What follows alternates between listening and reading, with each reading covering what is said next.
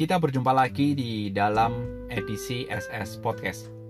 Hari Selasa, 3 Agustus 2021. Bagaimana kabar dari sobat setia semua? Semoga semua dalam naungan dan perlindungan Tuhan. Hari ini tepat ulang tahun dari Pendeta Yohanes sebagai gembala di KPC dan juga di CCK. Mari kita doakan supaya Pendeta Yo semakin menjadi berkat dalam pelayanannya bagi kita semua. Dan sekali lagi doakan juga untuk negara kita, khususnya para nakes yang telah tetap berjuang untuk melayani pasien COVID. Lukas 2 ayat 21 sampai dengan 40 akan menjadi perenungan kita.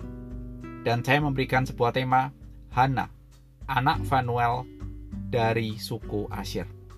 Dan nats kita akan dibacakan oleh Jameson, mahasiswa profesi. Terima kasih untuk supportnya dan kiranya Tuhan memberkati hidupmu dan pekerjaanmu bagi kemuliaan Tuhan.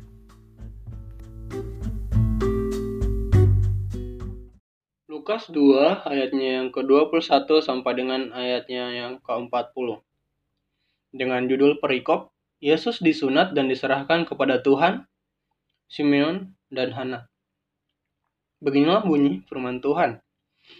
Dan ketika genap delapan hari dan dia harus disunatkan, ia diberi nama Yesus, yaitu nama yang disebut oleh malaikat sebelum ia dikandung ibunya.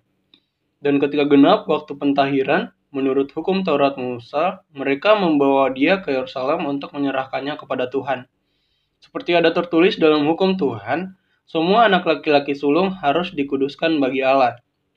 Dan untuk mempersembahkan korban menurut apa yang difirmankan dalam hukum Tuhan, yaitu sepasang burung tekupur atau dua ekor anak burung merpati.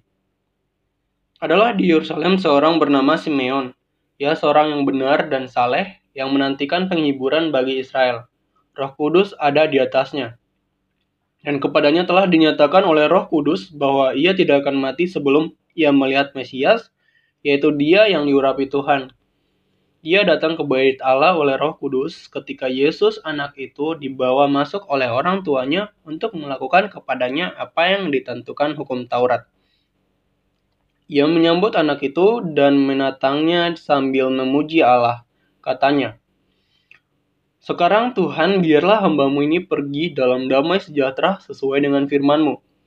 Sebab mataku telah melihat keselamatan yang daripadamu yang telah engkau sediakan di hadapan segala bangsa yaitu terang yang menjadi penyataan bagi bangsa-bangsa lain dan menjadi kemuliaan bagi umatmu Israel. Dan bapa serta ibunya amat heran akan segala apa yang dikatakan tentang dia. Lalu Simeon memberkati mereka dan berkata kepada Maria, ibu anak itu, Sesungguhnya anak ini ditentukan untuk menjatuhkan atau membangkitkan banyak orang di Israel untuk menjadi suatu tanda yang menimbulkan perbantahan. Dan suatu pedang akan menembus jiwamu sendiri supaya menjadi nyata pikiran hati banyak orang.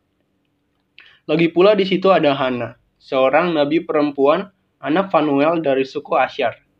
Dia sudah sangat lanjut umurnya. Sesudah kawin ia hidup tujuh tahun lamanya bersama suaminya. Dan sekarang ia janda dan berumur 84 tahun. Ia tidak pernah meninggalkan bait Allah dan siang malam beribadah dengan berpuasa dan berdoa. Dan pada ketika itu juga datanglah ia ke situ dan mengucap syukur kepada Allah dan berbicara tentang anak itu kepada semua orang yang menantikan kelepasan untuk Yerusalem. Dan setelah selesai semua yang harus dilakukan menurut hukum Tuhan, kembalah mereka ke kota kediamannya yaitu kota Nazaret di Galilea. Anak itu bertambah besar dan menjadi kuat, penuh hikmat dan kasih karunia Allah ada padanya. Demikianlah bunyi firman Tuhan, terpujilah Tuhan.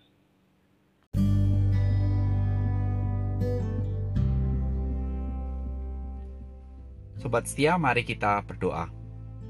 Tuhan Yesus, terima kasih untuk nafas kehidupan dan kecukupan yang Tuhan berikan. Sekali lagi, biarlah firman-Mu menguatkan kehidupan ini. Demi Kristus, amin. Sobat setia, Lukas pasal 2 mempunyai nuansa tentang kelahiran dari Kristus. Sehingga sering kali yang menjadi pesan adalah ya soal kelahiran Kristus. Suatu pesan yang sangat penting dan tidak bisa diabaikan dari cerita pasal yang kedua. Namun bila ditanya, apakah berita sukacita di Lukas pasal 2 itu benar-benar mengalir dalam hidup kita? Apa yang menjadi jawaban kita? Apa? Dan mari jawab pertanyaan berikutnya. Dan mengapa? Kalau kita menjawab ya sukacita itu mengalir, mengapa sukacita yang terpancar dalam Lukas pasal 2 juga sering kali lenyap dengan seiringnya waktu atau bulan yang berganti? Mengapa? Dan sukacita itu sering kali hilang dan berganti dengan teriakan kesusahan dan kelelahan dalam hidup ini. Sobat Sian kasih Tuhan, bukankah itu sebuah realita? Sehingga mari kita bertanya dalam Lukas pasal yang kedua ini. Apakah cerita dalam Lukas pasal kedua ini hanya berlaku pada bulan Desember? Apakah seperti itu? Dan tidak berlaku bagi kehidupan setelah itu? Tidak. Cerita pasal 2 juga memberikan sebuah kekuatan bagi kita selepas bulan Desember meskipun tidak berkaitan dengan Natal. Mari perhatikan rangkaian cerita dari nats kita hari ini. Nats ini menceritakan tentang identitas Tuhan Yesus yang sangat jelas, bahwa Dia adalah Mesias yang dinantikan oleh banyak orang. Dan ada orang yang dicatat dalam Alkitab bahwa seperti Simeon tidak akan meninggal sebelum melihat bayi Kristus. Bayangkan, berapa lama dia harus menantikan janji itu, menantikan Mesias, dan setelah janji itu digenapi, yang terjadi adalah Simeon harus siap menghadapi kematian yang identik dengan nama dengan maut. Namun perhatikan, setelah keselamatan yang dari Tuhan itu dilihatnya, dia sendiri mengatakan, biarlah hambamu ini pergi dalam damai sejahtera. Kelihatan sekali tidak ada ketakutan dalam menghadapi kematian. Bahkan dia sebut pergi dalam damai sejahtera satu hal yang wow. Inilah damai sejahtera yang sejati versi Simeon. Peace itu hanya ada dalam Kristus. Namun saya mengajak kita untuk melihat kisah selanjutnya. Bahwa dalam cerita selanjutnya juga dicatat secara singkat oleh Lukas bahwa ada seorang yang bernama Hana. Ini bukan ibu Samuel, tetapi Hana, anak Fanuel dari suku Asyir yang saya jadikan tema. Mungkin sobat setia bertanya, apa menariknya dari tokoh ini yang akan saya bahas? Perhatikan, yang menarik dari kehidupan Hana ini adalah ketika dikaitkan dengan Mesias. Kisah hidupnya tercatat menikah, tapi setelah tujuh tahun pernikahannya, suaminya meninggal. Bagi yang sudah menikah tujuh tahun itu sangat cepat. Dan tahun ke-8, Hana harus hidup menjanda seorang diri. Tidak ada catatan dia sudah memiliki anak atau tidak, sehingga bisa diasumsikan tidak memiliki anak. Dan kalau itu benar, artinya benar-benar hidupnya itu masa depan super suram. Karena apa? Karena janda tidak bisa bekerja pada zaman itu. Itulah yang menjadi sebab mengapa janda Nain ketika anak laki-lakinya yang satu-satunya itu meninggal setelah suaminya meninggal sangat bersedih. Dan Lukas memberikan penekanan itu. Karena harapan dari janda di Nain itu anaknya hidup, anaknya bisa bekerja buat keluarga. Paling tidak sedikit ada harapan.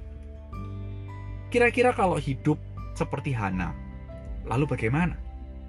Mari kita coba bayangkan pasti bisa dibayangkan tetesan air mata dan pergumulan yang tidak mudah dengan Tuhan, menghadapi kehidupan sehari-hari yang luar biasa sulitnya. Mungkin bagi kita, kira-kira memiliki pergumulan seperti itu, eh, pemikirannya adalah hmm, mau taat, tapi banyak pertanyaan, mau nggak taat, tapi tidak berani, mau melawan Tuhan karena peristiwa yang lalu sadar kalah semuanya dengan Tuhan, dan semuanya itu menjadi berkecamuk. Benar demikian atau tidak? Mungkin sebagian besar mengatakan benar ketika melewati hari-hari yang sulit, pergumulan yang sulit, berkecamuk semua dalam kehidupan kita. Tapi mari kita lihat apa yang dilakukan oleh Hana.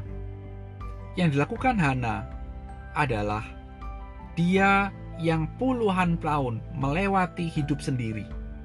Hana dicatat ia tidak pernah meninggalkan bait Allah dan siang malam beribadah dengan berpuasa dan berdoa. Satu hal yang secara sederhana kita bisa petik sebuah pelajaran yang sangat penting dalam kehidupan ini adalah kehidupan Hana adalah sebuah kehidupan di dalam kesulitan semakin mendekat kepada Tuhan. Semakin sulit kehidupan, semakin mendekat kepada Tuhan. Itulah yang dilakukan oleh Hana, dan itulah yang seharusnya menjadi sebuah pelajaran bagi kita semua. Namun, ada satu hal lain yang juga menarik. Ketika dia melihat bayi Tuhan Yesus, dia mengucap syukur kepada Allah. Tidak ada catatan keluh kesah Hana, justru yang dicatat adalah ketika melihat bayi Yesus, dia mengucap syukur dan memberitahukan kepada orang-orang pada saat itu bahwa anak inilah yang akan mendatangkan bagi umat manusia. Kalau kita perhatikan, dia mengucap syukur dengan keselamatan yang datangnya dari Allah. Seakan-akan bahwa tidak ada yang lebih penting di dalam hidup ini, di dalam dunia ini, selain mengenal keselamatan yang ada dalam Kristus. Dan saya percaya itulah yang membuat dia bertahan melewati hari-hari yang sulit. Sehingga kita bisa melihat bahwa kesulitan dalam hidup Hana tidak menjadi penghalang bagi harapannya kepada Mesias. Kesulitan itu mungkin bisa menjadi pemurni akan harapannya kepada Allah yang menjanjikan keselamatan. Sobat setia, sampai di sini saya mengajak kita untuk merefleksikan firman Tuhan ini bagi kita. Mungkin kita langsung berpikir, apa rahasianya bagi Hana bisa melewati hidup seperti itu? Lukas tidak memberikan informasi apa pun untuk menjawab pertanyaan ini. Tapi bila kita bertanya, apakah mungkin saya bisa melewati hari-hari yang sulit seperti Hana? Alkitab memberikan jawaban itu untuk pertanyaan kita. Karena apa? Karena Kristus yang mati di kayu salib memberikan Roh Kudus kepada setiap kita, umat percaya untuk memampukan kita melewati hari-hari yang sulit, kesulitan dalam kehidupan ini sampai nanti kita berjumpa dengan Tuhan. Oleh karena itu, jangan menyerah kepada kesulitan. Jangan mencari jalan pintas untuk menyelesaikan masalahmu, tapi dengan pertolongan Roh Kudus, semakin mendekatlah kepada Tuhan Juru Selamatmu. Biarlah Roh Kudus boleh menguatkan kita dalam melewati kesulitan-kesulitan khususnya dalam masa pandemik ini. Sampai nanti kita bertemu Tuhan. Tuhan memberkati.